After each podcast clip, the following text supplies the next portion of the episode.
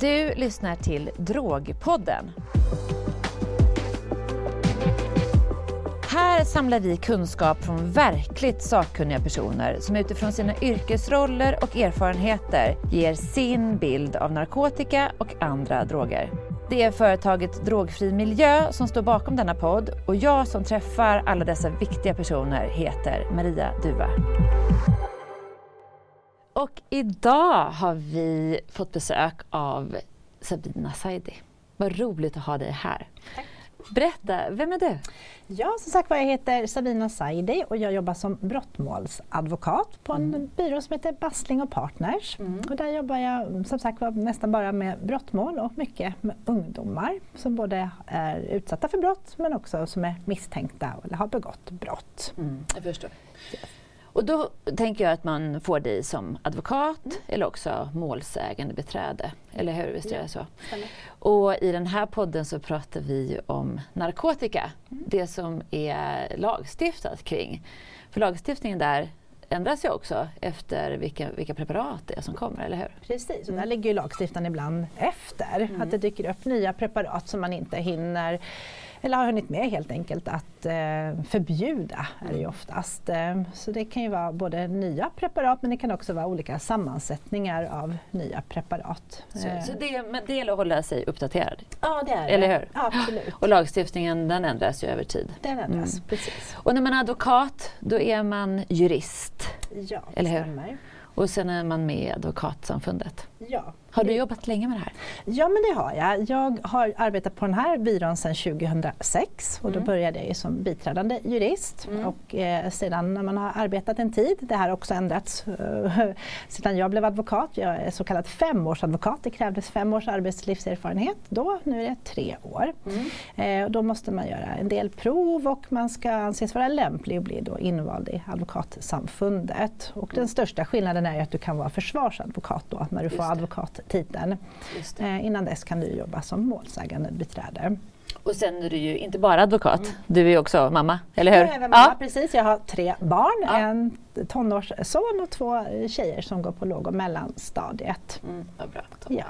Jaha, du, berätta då. Hur ser narkotika läget ut precis just nu när du jobbar med eh, barn och unga kring mm. det här? Ja men det är ju ganska mycket skulle jag säga. Sen kommer vi i kontakt med uh, unga personer även när de är misstänkta för ringa narkotikabrott. Det gör vi ju inte med vuxna. Så där har man ju gjort en viss uh, åtskillnad. För när det gäller eget bruk eller innehav av mindre mängder narkotika så får man försvar. Svårt ord det där. Mm. Alltså ringa, det ringa, låter ju lite ja. märkligt. Det eller hur? Ja. ja. Och, det, och det betyder lite. Ja, precis. För när man pratar om narkotika så har vi just ringa, lite, sen har vi normal som vi kallar det för, mm. sen har vi grovt och så har vi mm. även synnerligen grovt och det är jättestora mängder narkotika. Eller också med unga, va? eller hur? Synnerligen, gäller det bara själva mängden? Nej, eller? det kan vara andra omständigheter Exakt. också som gör att det blir grovt men ofta så brukar man ju utgå ifrån mängden men det kan mm. vara något särskilt hänsynslöst eller någonting men det brukar vara oftast mängden och preparatet narkotika för att liten mängd eh, narkotika ju olika beroende på vad det är för preparat helt Just enkelt. Det, eh, och även gränsen för det vi kallar för ringa. Och, eh, mm. När man pratar om just det här ringa brott då är det som sagt eget bruk eller att du har en mindre mängd och då brukar ju normalstraffet vara böter Just det. för en vuxen. Men det är inte alltid så för barn och ungdomar. Nej, precis. Utan de kan ju få andra påföljder också, som till exempel vård. Just det, exakt. Men jag tänker om vi bara tar det här en mm. gång till. Alltså hela processen blir så här att eh, en ungdom har själv brukat eller missbrukat, vad man nu mm. använder för ord där. Vad använder ni juridiskt för ord? Ja, det är ju oftast, det heter ju bruk. Ja. Eh, sen eh, om det är ett enskilt fall så är det ju det fallet där bruk. Sen om det är ett missbruk, det mm. kan ju kanske bli aktuellt sen om man ska bestämma ett straff för ungdomen. För är det ett enskilt fall och man har prövat en gång, då behöver man kanske inte få vård. Nej. Men vissa ungdomar åker fast då vid ett tillfälle, mm. men så framkommer det att man har haft eh, ett långvarigt missbruk eller att man har provat allt för många gånger och att det kanske finns en plan från socialtjänstens sida då att man ska gå och lämna prover eller få samtalskontakt och då kanske man pratar mer om missbruk. Men och vilken ålder är det på de där tänker jag? Vad, ja. vad, är, vad är din bild idag? Vad, Ja, de... alltså att man prövar narkotika det kan ju vara tidigare än 15 år såklart men du inte, kan inte bli straffad för ett, eh, ett brott, ringa narkotikabrott eller narkotikabrott om du inte har fyllt 15 mm. år. Mm. Men det är klart att många eh, som jag träffar när de är 15 och testar narkotika berätta att det är ju inte första gången. Man Nej. kanske har kommit i kontakt med narkotika redan när man är 14, 13 år mm. gammal också. Mm. Sen, sen, kan det ju vara så att man har, eh, även om man inte kan få ett straff för att man har brukat narkotika, så kan det finnas andra typer av insatser från mm. samhället. Man kan ju ha hamnat hos socialtjänsten innan mm. dess. Eh, de kan ju gå in och ingripa mot en ungdom som, ja. eh, även om inte polisen kan göra det på samma sätt, så Nej, kan precis. man ju bli tvångsomhändertagen och så. Men det jag tänker då är ju så här att när en ung person, alltså anledningen till att jag bara frågar det här mm. det är för att ni tänker på det här med ringa. Mm. Det är ju för att man vill ha en tidig upptäckt, eller ja. hur? Man vill ju ingripa så tidigt som möjligt. Ja, precis. Just det, så. Ja, sen är ju det ganska unikt i Sverige just att även ett eget bruk, att du har narkotika i kroppen är straffbart. Mm. I många länder så har man ju inte det som ett brott utan då är det som du har mindre mängd eller, och mm. där är väl olika olika länder. Men just mm. att vi har ett bruk i Sverige är ganska unikt skulle ja. jag påstå. Att vi går in och ingriper även något som du gör mot dig själv. Mm. Eh, så att bara ha narkotika i sig är ju ett mm. brott helt enkelt. Ja, men jag brukar försöker förklara när jag träffar barn och unga att all hantering av mm. narkotika mm, i Sverige är kriminaliserat. Allt, och så ser det ut just nu när vi spelar in mm. det här också, precis. eller hur? Men sen är det ju faktiskt så att det kan ju ändras över tid. Det kan det ändras och det ja. diskuteras väl om det ska ja. kanske avkriminaliseras, som vi säger, att, att ha eh, eget bruk då. Att det ja. kanske inte ska vara ett brott men eh, vi får se vart vi landar ja, i den frågan. Precis. Men du, berätta lite, hur, hur, hur, kan ett typiskt ärende för dig se ut då, mm. om vi säger? Från ja, början till slut? Ja, vi får ju oftast ett förordnande som det heter, ett uppdrag från domstolen mm. eh, att en ung person är misstänkt för narkotikabrott och att mm. det kanske ska vara ett polisförhör och då är vi mm. oftast med. Mm. Och ett eh, narkotikabrott kan ju som sagt vara att man själv har brukat eller att man har haft på sig en mängd och den mängden kan ju variera. Ibland mm. kanske det är mer än det vi kallar för ringa brott. Eh, som sagt, det beror lite på preparatet. Och vilka är de vanligaste preparaten? Ja, men jag skulle säga att det är eller cannabis och, ja. hash. Men det, finns även unga som har amfetamin och eh, kokain också. Ecstasy, eh, ecstasy också. Mm. Eh, sen har vi läkemedel, ja. eh, skulle jag säga. Tramadol ja. är vanligt bland ungdomar. Att det är, finns mycket där ute och är lätt att få tag på. Ja, ehm, kanske lättast där. Tramadol, var väldigt vanligt. Mm. Sen hör man ju ibland på nyheterna att det kommer eh, nya grejer mm. också. Så, men det, det, är din bild du har idag? Ja, sen ja. har vi det som inte är olagligt och mm. som kanske också är det man pratar väldigt mycket om, det är lustgas. Mm. mm. Eh, som inte är straffbart Nej. men som vi märker dyker upp mycket just när vi pratar om tvångsomhändertagande av ungdomar på grund av socialt nedbrytande beteende. Kanske inte helt isolerat att det bara är lustgas men att man säger att personen dricker alkohol, har testat mm. narkotika och också använt eh, mycket lustgas på ett riskfyllt fyllt sätt. Så då kan man ju faktiskt... Nu har vi två begrepp. Mm. Ja, vilka var det? Socialt nedbrytande ja. beteende. Det där är jätteviktigt och ja. jättebra. Och det är ju en tvångslagstiftning som finns när socialtjänsten bedömer att ett barn behöver vård, tvångsvård. Ja. Att Precis. det är en fara för hur man lever kan man mm. säga. Att det finns en risk att ens hälsa och utveckling skadas. Och riskbeteende. Och riskbeteende. Ja, och det kan precis. vara lite olika ja. saker men vi ser att det börjar dyka upp att eh, det kommer rapporter om att man har brukat lustgas och även alkohol då, som ja. inte heller är en olaglig Nej. drog men som kan ha de här konsekvenserna. Inte hos polisen då och inte hamna inte hos... Fast man kan ju begå brott kopplat till alkohol. Det kan man absolut. Alltså, Försäljning och... Jo, eller, och sen framförallt köra med alkohol i kroppen. Det finns ju massa typer precis. av... Precis. Men bara själva brukandet mm. av för mycket alkohol och lustgas lustgas kan ju också leda till att man, det kan finnas ingripanden. Absolut. Från, Men då mm. tänker jag, du sa så här att du kommer på ett förhör hos mm. polisen mm. och då är du förordnad. Ja, det betyder helt enkelt att någon har sagt till dig att du ska åka på det här ja, och då får, får man välja vem man vill ha. Ja precis, ja. och egentligen båda håll. Ja. De, man får välja, så misstänkte man alltid rätt att välja en advokat. Ja. Man kan säga ett namn, jag vill ha den här personen, att den ska representera mig. Och Svårt att veta ett namn där. Jättesvårt, ja. oftast eh, vet man ju inte Nej. det. Eh, man kanske aldrig hamnat i den situationen förut. Så då kan man ju säga att man godtar den rätten förordnar också, Just det vill säga att tingsrätten utser.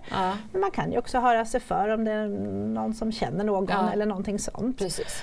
Och även en advokat kan ju också tacka nej till ett uppdrag och det kan man göra ibland av olika skäl. Exakt. Men oftast, eh, ja, då säger man att man har fått det här uppdraget, mm. då ska man ju ta en kontakt och mm. prata. Eh, oftast är det föräldrarna då som ringer, ja. men det kan vara viktigt att komma ihåg att är man brottsmisstänkt mm. så har vi egentligen en tystnadsplikt även gentemot föräldrarna. Utan då är det ungdomen själv som jag egentligen är intresserad av att lyssna på. Mm. Eh, så det är väldigt vanligt att man kanske tar ett möte tillsammans med föräldrarna eller pratar tillsammans men att man faktiskt ber om ett enskilt samtal.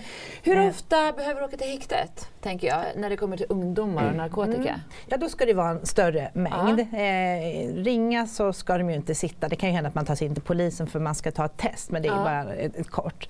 Och vad är det då för typ av test? Är det eh, kissprov ja, eller är det blodprov? Oftast är det kissprov ja. skulle jag säga, men det är lite olika. Men när man pratar om större mängder narkotika, när mm. man kanske kommer upp även under grovt, och det har lite med ålder att göra Exakt. också. Ju äldre man hamnar i spannet mellan 15 och 18 eh, så kan det finnas anledning att man kanske hålls kvar hos polisen. Man, kan ju vara, man är ju anhållen först då. då. Mm. Men då ska vi prata lite större mängder. Det finns ju många ord där tänker mm. jag som man kanske känner till. Det kan ju bli att man blir så här arresterad. Mm, ja, gripen brukar vi ja, prata om. Exakt. Gripen blir man ju där på plats och det, är, ja. och då, eh, det kan man ju vara x antal timmar ja. och sen och ofta så ska man ju när det gäller ungdomar kanske försöka lösa det mesta under den tiden. Men sen om man tycker att det här måste vi utreda mera, det här är för stor mängd eller kan det finnas någonting vi behöver titta på? Kan det. det. finnas en försäljningsplan eller att det ska komma mer narkotika? Då kan ju en åklagare gå in och säga att nu ska du vara anhållen också. Precis, och det är åklagarbeslut. Det kan ju inte polisen Nej. bara säga att nu, Nej. nu nu ska vi ha dig här. Över. Ja, precis. Och det är också 72 timmar brukar mm. man säga. Anhållen. Anhållen. Och då sitter man hos polisen. Men då sitter man i arresten? Då sitter man i arresten. Sen är det en ny lagstiftning sedan 1 januari att uh, de som är under 18 ska ju ha fått en lagstadgad rätt att ha umgänge under Från sitt liv. 1 januari nu, 2023? Ja, 22. Ja, 22. Ja. ja och mm. då, då blir det oftast att man kanske hamnar hos, eh, kommer på häktet då direkt för det finns större möjligheter att få ha ett umgänge. Ja. Men då träffas man i den miljön, ja då är ju föräldrarna inte med. Nej, precis. Eh, och då är det ungefär samma sak förutom mm. att polisförhöret hålls på ett lite Eh, ja, otrevligare. Så där har du suttit många gånger ja, i precis. samtal med den här brottsmisstänkta ja, personen? Ja. Och då är det ju lite skillnad. Är det ja. stora mängder narkotika och du har en väldigt ung person, vi pratar mm. kanske personer under 18 år, ja då ligger det oftast kanske något annat bakom. Typ vadå? Ja, att det är någon som har bett den här ungdomen mm. ha den här narkotikan hos sig kanske, mm. att det är någon annan som egentligen eh, äger det och styr över. Eh, Finns det någonting som kallas för typ så här kran? Eller ja. becknare. Du vet. Kran och becknare, precis, det är de som säljer kan ja. man säga. Att man går till sin kran, att man ser till att distribuera. Och Sen, vem, när man är ungdom, var, mm. var säljer man då någonstans? Ja, det är lite olika, men jag ska säga mycket sociala medier mm. eh, är det väl lätt att få tag på. Eh, man eh, kan lägga upp vad man har för... Man kan lägga ut ja. på olika sidor, mm. Eh, Snapchat, ja. att det skickas ut i, i grupper. Mm. Sen är det väl lite ord mot, mun mot mun-metoden ja, också. Så det är nog inte alls särskilt mm. svårt att få tag på. Nej. Jag förstår. Det. Utan det, det, liksom det pratas om det. Ja. Det är rätt många faktiskt som berättar för mig att det är ganska lätt att få tag på droger. Ja, det skulle ja. jag nog säga. Men själva överlåtelseplatsen då? För mm. menar, man kan ju inte skicka det via Snapchat Nej, ännu. det kan man inte göra. Det går att skicka på post. Det, går, det finns ganska mycket sådana centraler ja. Eh, där det paketeras och skickas. Mm. Mm. där polisen, men man träffas kanske på en skola. Mm. Eh, det är inte ovanligt. Förskolor, skolor. Ibland grävs det ner. Eh, på skolgården? Ja, och förskolor. Förskolor? Ja, det kan vara tunnelbanestationer. Lite Mm. Allt på alla alltså olika där ställen. det går att förvara? Ja, där man kan mötas också, också, snabba ja, mötesplatser ja, där man precis. snabbt kommer och går. Mm. Eh, och betalning, nu funkar ju även Swish, förut mm. var det väldigt mycket kontant. Det undrar jag lite mm. över, det här med Swish, det kan man tycka är lite märkligt mm. egentligen. Det, att det är lite osmart kanske ja, att använda det. Det är det ju. Det, ja. det, det kontrolleras ju väldigt ofta. Man ja. har ju en skyldighet, det, det, är ju inte bara skyldighet hos polisen kanske att förklara, även en bank kan ju bli misstänksam mm. om det kommer in massa summor. Så att för vi har ju penningtvättslagstiftning också. Ja, så det, kan faktiskt eh, eh, ställa till det. Att en mm. bank undrar varför får du in så mycket små summor? Just det, ja. precis, exakt. Ja. Och det är ändå bra med Swish för det ägs ju av svenska storbankerna ja, och sen så uh, samarbetar de ju med svensk polis. Ja, eller hur? precis. Mm. Okej, okay, låt oss ta tillbaka, tillbaka till häktet. Till, ja, hur, hur, hur, är ung, ungdomen då när man sitter där? Vad är det för kläder? Ja, de, de, har oftast fått någon mjukiskläder ja. när de sitter mm. där, för mm. man kanske vill kolla kläderna. Ja. Eller att, och sen är det så att man nu också, när man är frihetsberövad och mm. anhållen mm. eller häktad, inte får ha vissa typer av kläder. Det ska Nej. inte vara snören, man, man vill ju inte att någonting ska hända. Och någonting ska hända i det fallet är att man ska skada sig ja, själv? precis. Ja. Att man ska skada sig själv. Sen beror det lite på vem ungdomen är. Vissa ungdomar har ju tyvärr varit där förr eh, och vet hur det fungerar. Eh, vissa kanske har fått sovit där över mm. natten mm. innan man dyker upp. Mm. Eh, beror lite på när man blir gripen. Men det är väl ändå ingen rolig situation att Nej. befinna sig i när man, eh, om vi pratar i den situationen, Nej, att man är frihetsberövad och polisen och man blir anhållen kanske, att man ska förhöras mm. där. Men annars är förhörssituationerna ganska lika. Vi pratar, vi berättar om vår roll och det är att mm. vi jobbar bara för den personen och mm. att vi som sagt även har tystnadsplikt gentemot föräldrarna. Eh, men man ska komma ihåg att polisen och socialtjänsten som också blir inkopplad, de kommer informera föräldrarna om vissa saker men ja. att jag kommer bara informera det ungdomen vill. Okay, ja. Och det är kanske viktigt att läsa av och veta ja. vad har man för relation, har man relation till bägge vårdnadshavarna eller inte? Eh, men förklara Precis. den rollen att jag är här för din skull. Mm. Det du säger till mig, det stannar mellan oss. Mm. Eh, det man berättar för polisen, det stannar inte mellan polisen utan det skrivs nej. ju ner och det mm. ska skickas vidare. Men hur mår ungdomen där och då? Är ja. det olika? Ja, det är olika. Ja. Men det är en väldigt jobbig situation och det ja. är det ju för vuxna också. Sen kan det ju spela roll, är, har man varit påverkad när man mm. kommer in och börjar ha abstinensbesvär? det, det, kan ju också vara just jobbigt det. om man har varit inne i ett missbruk eller bruk och att man där och då håller på att landar i en sån miljö där du mm. inte har tillgång till någonting. Det är ju en madrass på golvet i princip, det finns inget annat. Eh, så det kan ju vara väldigt eh, Pratar alla där och då eller är de tysta eller hur? Eh, många, som sagt det beror återigen vad, ja. vilken nivå de är på och sådär men mm, de flesta är ju glada att någon är där och ska, mm. är där för deras skull mm. och vill berätta väl så mycket som de kan berätta. Det är också väldigt olika. Ja. Vissa säger ingenting. Vad är vanligaste frågorna tänker du där? Det är oftast vad de ska få för straff, vad du tror? Vad eller? de ska få för straff, vad ja. finns det för bevis? Det. Ja. Ibland vet de ju det, ja. man kanske har hittat parti narkotika eller inte. Men eh, vi har ju rätt att få del av lite information om varför till exempel någon är anhållen. Då, får, ja. då måste åklagaren berätta. Så Jag man förstår. går igenom det, sen går man igenom hur det funkar på ett polisförhör, vad man har för mm. rättigheter. Eh, det kommer polisen sen också gå igenom. Men det kan vara viktigt att man får informationen flera gånger. Mm. Det här är Exakt. en ovan situation Exakt. och det kan vara väldigt eh, mycket som händer. Man kan mm. vara orolig för någon annan person, man kan vara orolig, vad ska mamma, vet ja. mamma att jag är här? Eller vad, ja. mamma kommer bli galen. Ja, eh, så det kan vara många andra tankar som, eller vad händer med kompisen och min telefon? Men det undrar jag lite över, mm. för jag tänker just med bevis där. Mm. Alltså, förr så sa man att man tömde telefonen, idag mm. gör man ju en spegling av den, eller hur? Och det betyder att man får lämna ifrån sig sin telefon, för det är oftast där den mesta kommunikationen idag mellan ungdomar faktiskt faktiskt ändå finns. Ja, precis. Och då, berätta bara, då, då får man lämna från sig sin telefon. Mm. Ja, inte frivilligt, de tar den helt ja, enkelt. Vet. Jo, men det låter men trevligare de, ja, att säga så. Precis, ja. då, finns polit, då finns ju telefonen hos polisen och de har ju metoder att komma in. Eh, mm. nu, sen, nu blir jag lite osäker, men nu har man ju en skyldighet att hjälpa till och öppna upp sin telefon precis. om man kan. Sen får ju inte polisen använda vilka metoder Nej. som helst. Men... Fast det ses som ett samarbete. Det blir positivt ifall man hjälper till. Uh, ja, det är, det är ju upp till vad du är, men nu, nu, ska man, nu får de ju använda visst våld. Mm. Sen vet mm. jag inte exakt vad det är är. Men Nej. Eh, man får, det har varit oklart och till och med inte varit tillåtet att till exempel använda sättet face eller liksom trycka tummen på Nej. och sådär. Mm. Men man ombeds ju och, och eh, uppge sin kod om man har en kod. Folk har ju olika sätt mm. att komma in och det kan ju både underlätta för alla, det är lättare att få tillbaka Exakt. sin telefon.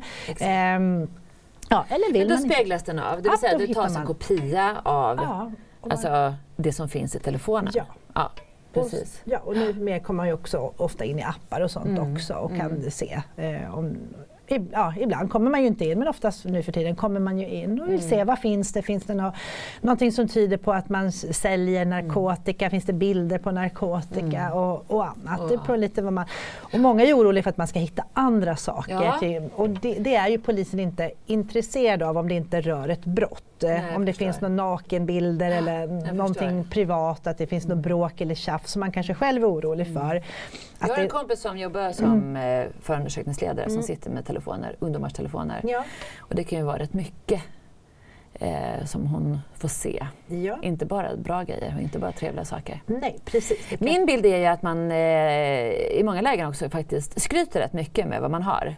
Vad man har för innehav och vad man har lite cash, lite rödingar och guldkedjor och märkesgrejer. För det är väldigt kopplat till det. Ja, ja. Alltså, det är mycket Sverige. Det, ser, vi ju, det ser man ju. Och det är väl kanske allmänt att man, hur, hur man lever på sociala mm. medier. Mm. Men det är väldigt, väldigt mycket bilder i, i vissa sammanhang mm. när man pratar om de ungdomarna som man kanske plockar in som får sitta anhållna. Det. Att det är sedelbuntar ja. och det är vågor och mm. vågar och sådär. Och ibland Precis. hittar man kanske bilder på vapen. Ja, Det finns väldigt mycket. Men Så det, det är ju bra bevis kan jag säga kan finnas i många lägen. Mycket i Mm. telefoner ja. eh, ibland. Men, Men du, jag mm. tänker på en annan grej där. Eh, bara fråga, ålder har vi gått igenom mm. lite, att det är mellan 15 och 18 som man kan sitta anhållen som ungdom, mm. eller hur? Och man kan vara häktad. Ja, man kan, kan inte man häktas innan man har fyllt 15. Nej, det Nej, kan man precis. inte. Ska vi bara fråga liksom någon könstillhörighet där också? Mm. Vad är din bild, skulle du säga? Ja, det är mest eh, pojkar. Hur kommer det sig, tror du? Ja, eh, det är en bra fråga. Eh, mm. vi, det, ju, det, det, finns säkert olika faktorer. Mm. Att det är kanske pojkar som eh, hamnar där lättast. Mm. vi ser ju det i samband med att man kanske inte klarar skolan också. Jag tror att Fast det, det hänger är många ihop. tjejer som missbrukar.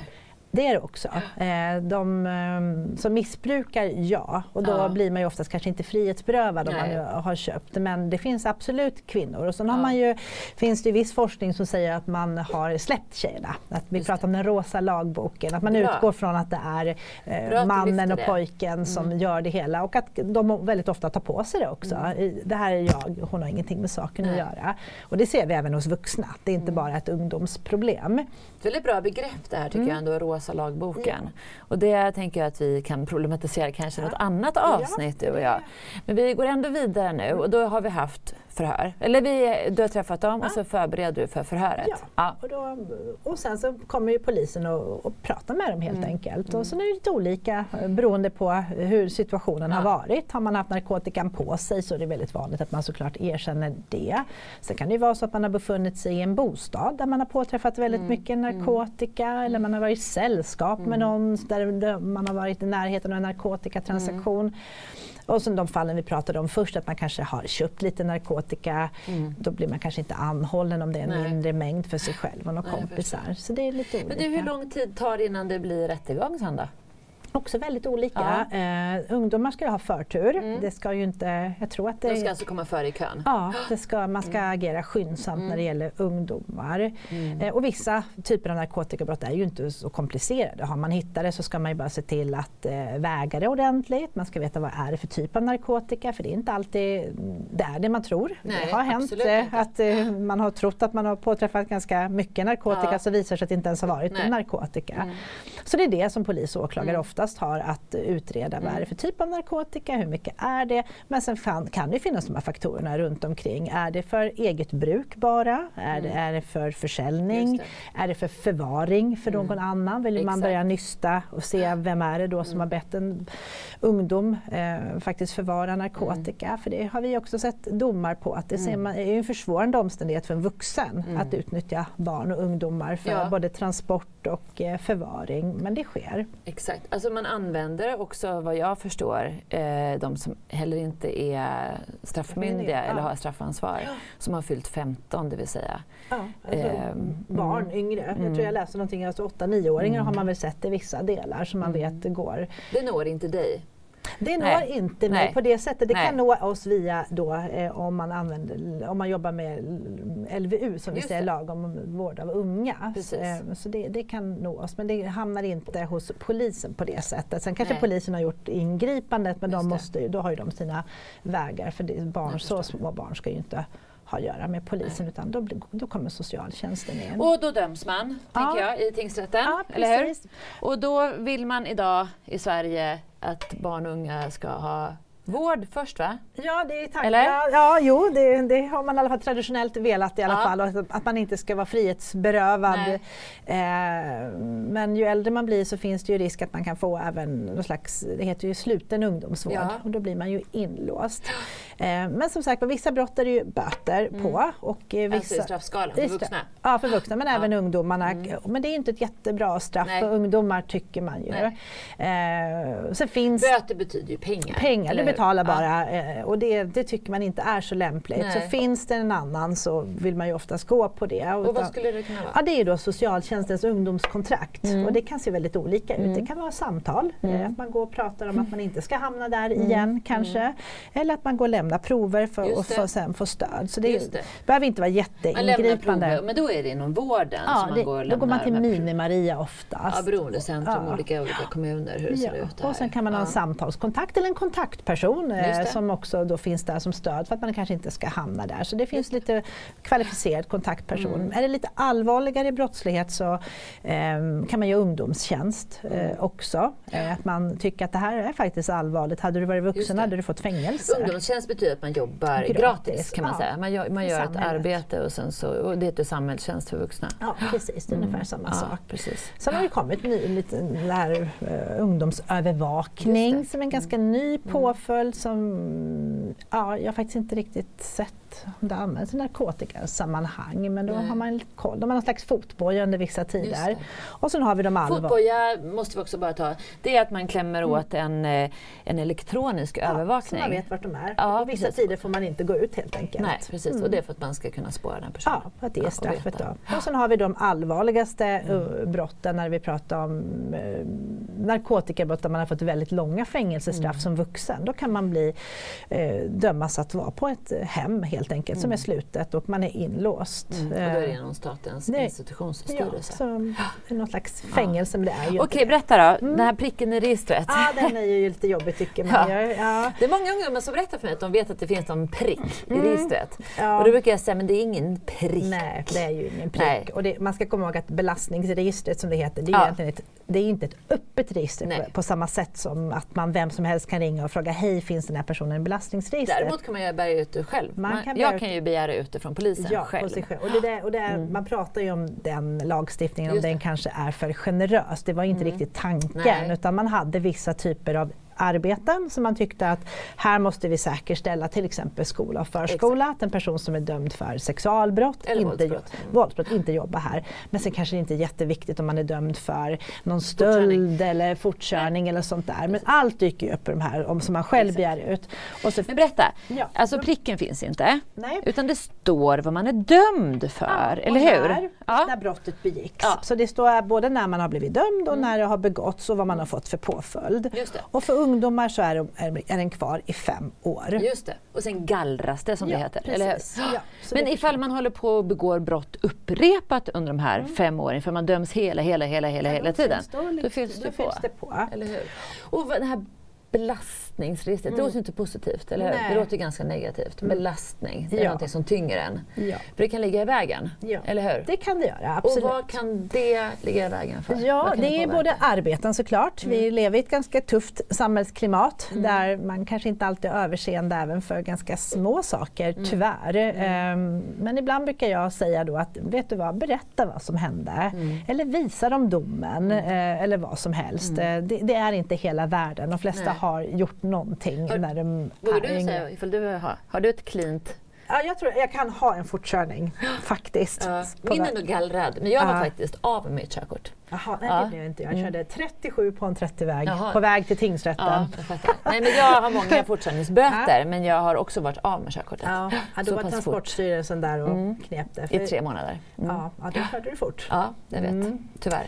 Mm. Och det är så, allt från fortkörning till mord hamnar ju i det här belastningsregistret. Och så gallras det bort efter fem år. Men det kan också begränsa väldigt mycket vad gäller arbete. Det... Jag tänker då när man är 15 och man kanske vill jobba som ungdomsledare ja. inom en idrott. Då kan det narkotikabrottet ställa till det. För det vet jag att även ungdomsledare, ja. ideella, måste mm. visa upp Exakt. det här. Exakt, så fort du jobbar ja. med barn och unga så ska du själv ta med ett oöppnat kuvert. du får absolut inte ha öppnat det. Nej. För då ligger det bilagor och då kan Precis. man ha pillat ut den.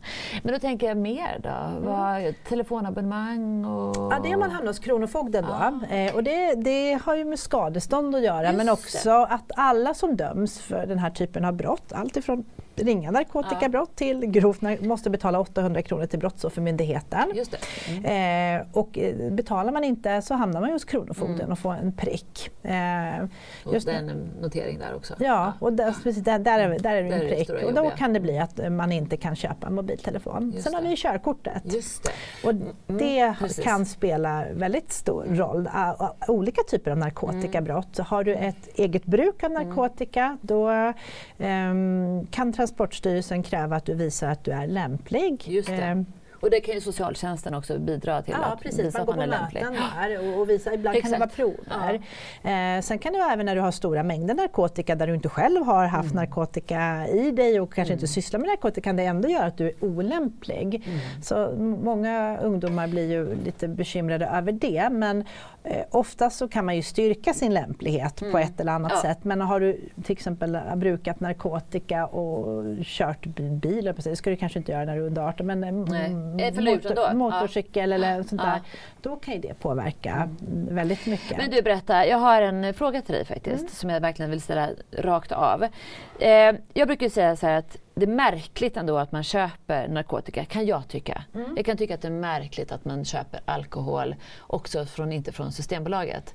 För när man går in på en vanlig affär och köper en flaska med Coca-Cola eller vatten, mm. vad det än må vara för läsk, så är det så, kommer man ut och märker att korken sitter lös så är det så att i de flesta fall ungdomar också går tillbaka och säger jag måste få en ny för den här var öppnad. Ja. Och det gör man för att man vill vara säker på att det inte är någonting annat man dricker, mm. eller hur, än det man Absolut. köper. Mm. När man köper narkotika så har du ingen aning Nej. om vad du köper. Ingen Nej. aning whatsoever. Jag har ju varit med, som, eftersom jag har jobbat med barn och unga eh, som varit utsatta för brott och i brottsliga mm. situationer mm. väldigt länge, så har jag varit med om väldigt många situationer där de inte vet vad de har tagit mm. och det har visat sig vara riktigt farligt, på riktigt farligt. Men då undrar jag, säg att man är den här becknaren, man är kranen på skolan, säger vi. Mm. Att man säljer till andra och den personen visar sig alltså bli riktigt skadad av det som man har sålt. Ja, det, Vad händer nu? Mm, det, det, det, det, finns ju fall då det har prövats mm. Eh, och då är det frågan vad man har för uppsåt mm, också. Mm. Eh, vad har man känt till? Uppsåt måste vi ta ja, också, det är ett viktigt ord. Mm. Det är inte många vuxna som vet verkligen Nej. vad det är. Lite olika till. Det är vad man har känt till och vad ja, man har precis. tänkt. Det är vad man Lite har vetat syfte. om. Syftet. Ja. Och det kan ju vara både att man vet att mm. någonting, det här, nu ska jag sälja den här skiten. det är dåligt. Eh, jag vet det. Då pratar vi om att man har ett direkt uppsåt. Mm. Sen kan det vara att man kanske misstänker. Mm. Men att, att vet om det ish. Ja, man bara, ja. Mm, det är nog det. Ja. Men man bryr sig inte. Nej. Det är också en form av uppsåt. Exakt. Sen kan det finnas ett än att man är likgiltig också. och säga, ja, och att ja, kanske, kanske inte, men jag gör ingen kontroll. Nej. Och skulle det vara det, så gör det nog ingenting. Så, så är det som det är. Ja,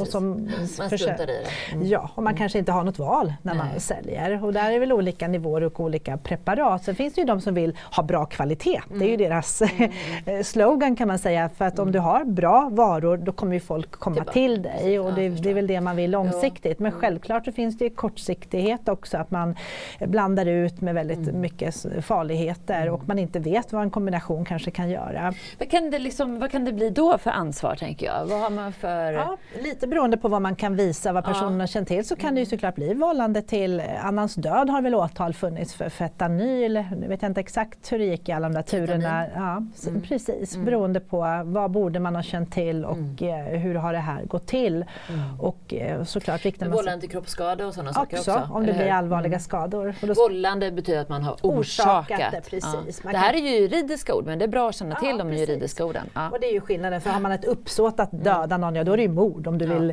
exakt. förgifta någon medvetet. Exakt. Men om det inte varit syftet, men att du, du har ändå orsakat någons död så kan du eh, absolut åtalas för det. Vet du vad, vi ska börja liksom avrunda, men jag tänkte mm. bara, vill du bara ta något case som du tyckte har lämnat eh, minnen hos dig? Något ärende som du jobbade med ungdomar och narkotika? Ja, alltså det finns ju lite olika aspekter. Mm. Men jag, nu var det inte mina klienter, men Nej. jag satt ju med i en rättegång som var ganska omskriven att då någon av de här kända gängen i Stockholm då hade använt en 15-åring och en 16-åring som kurir. För mm. att, eh, kurir är alltså den som transporterar narkotika från mm. Stockholm till en annan stad i mm. Sverige. Ganska stora mängder mm. narkotika. Mm. Eh, och, I väskor på tåg på och buss? Ja, ja på tåg. Och eh, hela den och, och att man kunde se hela det vi pratar om. Mm. Hur, kom, hur har man hittat de här pojkarna? Mm. Vad har det funnits? Varför gör de det? Mm. Varför gjorde de det? Ja, det var väl en av dem ville väl i alla fall eh, bli någon slags eh, gängmedlem. Stiga, liksom ja, att det, var, att det fanns eh, Tillhörigheten, status. Ville, ja, och den andra kanske mest hakade mm. på. Men man är väldigt rädd och orolig. Man är ju bara 15-16 mm. år. Man hamnar i en situation man inte har någon kontroll över. Men det är mm. väldigt lätt att bli indragen. Det finns pengar såklart också. Eh, man tycker inte att det är en jättestor eh, grej kanske att åka. Håller de där alltid på att ta narkotika själva? Eh, nej, det nej. tror jag inte alla gör faktiskt. Nej. Utan det De hanterar det? Ja, mm. men vissa gör ju det såklart, får betalt i det. Mm. Så att det, det, tyckte jag ändå visar hur, hur, liten man är när man är 15-16 år och att man blir utnyttjad. Mm. Och att man får väl kanske, som vuxen funderar man ju på det, är man inte ett brottsoffer mm. eh, egentligen? Mm. Vad är skillnaden? Man mm. utnyttjar, man exploaterar barn och ungdomar eh, som tvingas begå mer eller mindre eh, allvarliga brott. Det är en eh, knepig sits att ta sig ur också. Det är väldigt. För de här ungdomarna berättar ju inte ofta för vuxna. Nej, Nej. har de inget Vi har ju, jag använder ett begrepp som heter viktiga vuxna. Ja. Och det är ju liksom alla de här relationerna man har till trygga relationer till schyssta vuxna i sitt liv. Mm. Och det behöver ju inte bara vara begränsat till ens vårdnadshavare Nej. eller ens föräldrar eller ens närmsta släkt utan det finns ju fler vuxna som jobbar med att eh, verkligen hjälpa barn och ja. unga. Kurator på skolan, skolsköterska, det finns ju många runt mm. omkring en. Visst är det så att man kan ringa till en advokat också? Det kan man ja, göra, precis. Och det hamnar ju, där hamnar ju vi också. Vi har ju mm. tystnadsplikt mm. och ibland kan ju det vara skönt för en ungdom Exakt. att kunna prata med någon som man vet inte kommer faktiskt ta det här vidare. Som mm. inte har den här anmälningsplikten som många vuxna har. Även de Vi tar som, det här en gång till. Mm. Anmälningsplikt. Det har ju många vuxna, även fältassistenter, kuratorer, lärare som bara vill väl. Vid oro för Vid barnet. Oro, Men då är det en plikt, det hör man ju ordet. Det Ja, och om man inte anmäler det. oro så kan ju den personen faktiskt ja. bli dömd ja, för brott. Precis, ja. så det där är ju lite knepigt kan jag ju tycka när man hör fältassistenter, men jag har tystnadsplikt men jag har också mm. anmälningsplikt och för mig blir det helt oförenligt och då är det mycket lättare att ha den yrkesrollen och veta att jag har alltid tystnadsplikt. Det är ju förenligt för dem också såklart ja. i deras yrkesroll, men för dig? För mig blir det konstigt. Ja.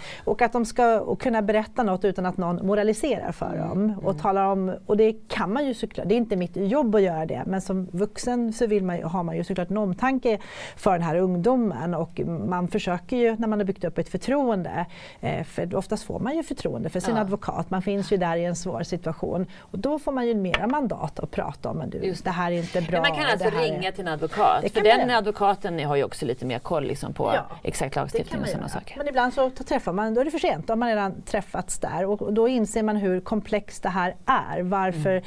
ser samhället ut som det gör? Det är inte så enkelt att det finns eh, bara onda langare nej, och sen är resten goda. Utan det tycker jag blev väldigt tydligt när barn och ungdomar dras in i det här. Och också mm. pengar, man vill hjälpa till för att det är tufft. Och föräldrarna har ingen aning. Nej, eh, de kanske tror att det här är jättesnälla pojkar. Oftast det är ju snälla också. De är ju det och tar, hand, tar stort ansvar ja. hemma och sådär. Så Men, det, mm. Då tänker jag så här att jag ska ge dig en möjlighet nu. Mm. För vi, eh, det är många som tittar på det här. Det är många som kommer lära sig väldigt mycket av dig. Vad skulle du, om du får möjligheten nu, att göra ett litet så medskick till mm. alla som tittar och lyssnar på det här? Ja, om, när det gäller barn och ungdomar så kan man väl i alla fall säga att det finns ju en anledning till att narkotika är olagligt. Mm. Eh, jag som advokat har ju ingen moralisk värdering i om någon väljer att eh, använda narkotika, sälja narkotika eller inte utan då är jag ju där för att hjälpa den personen.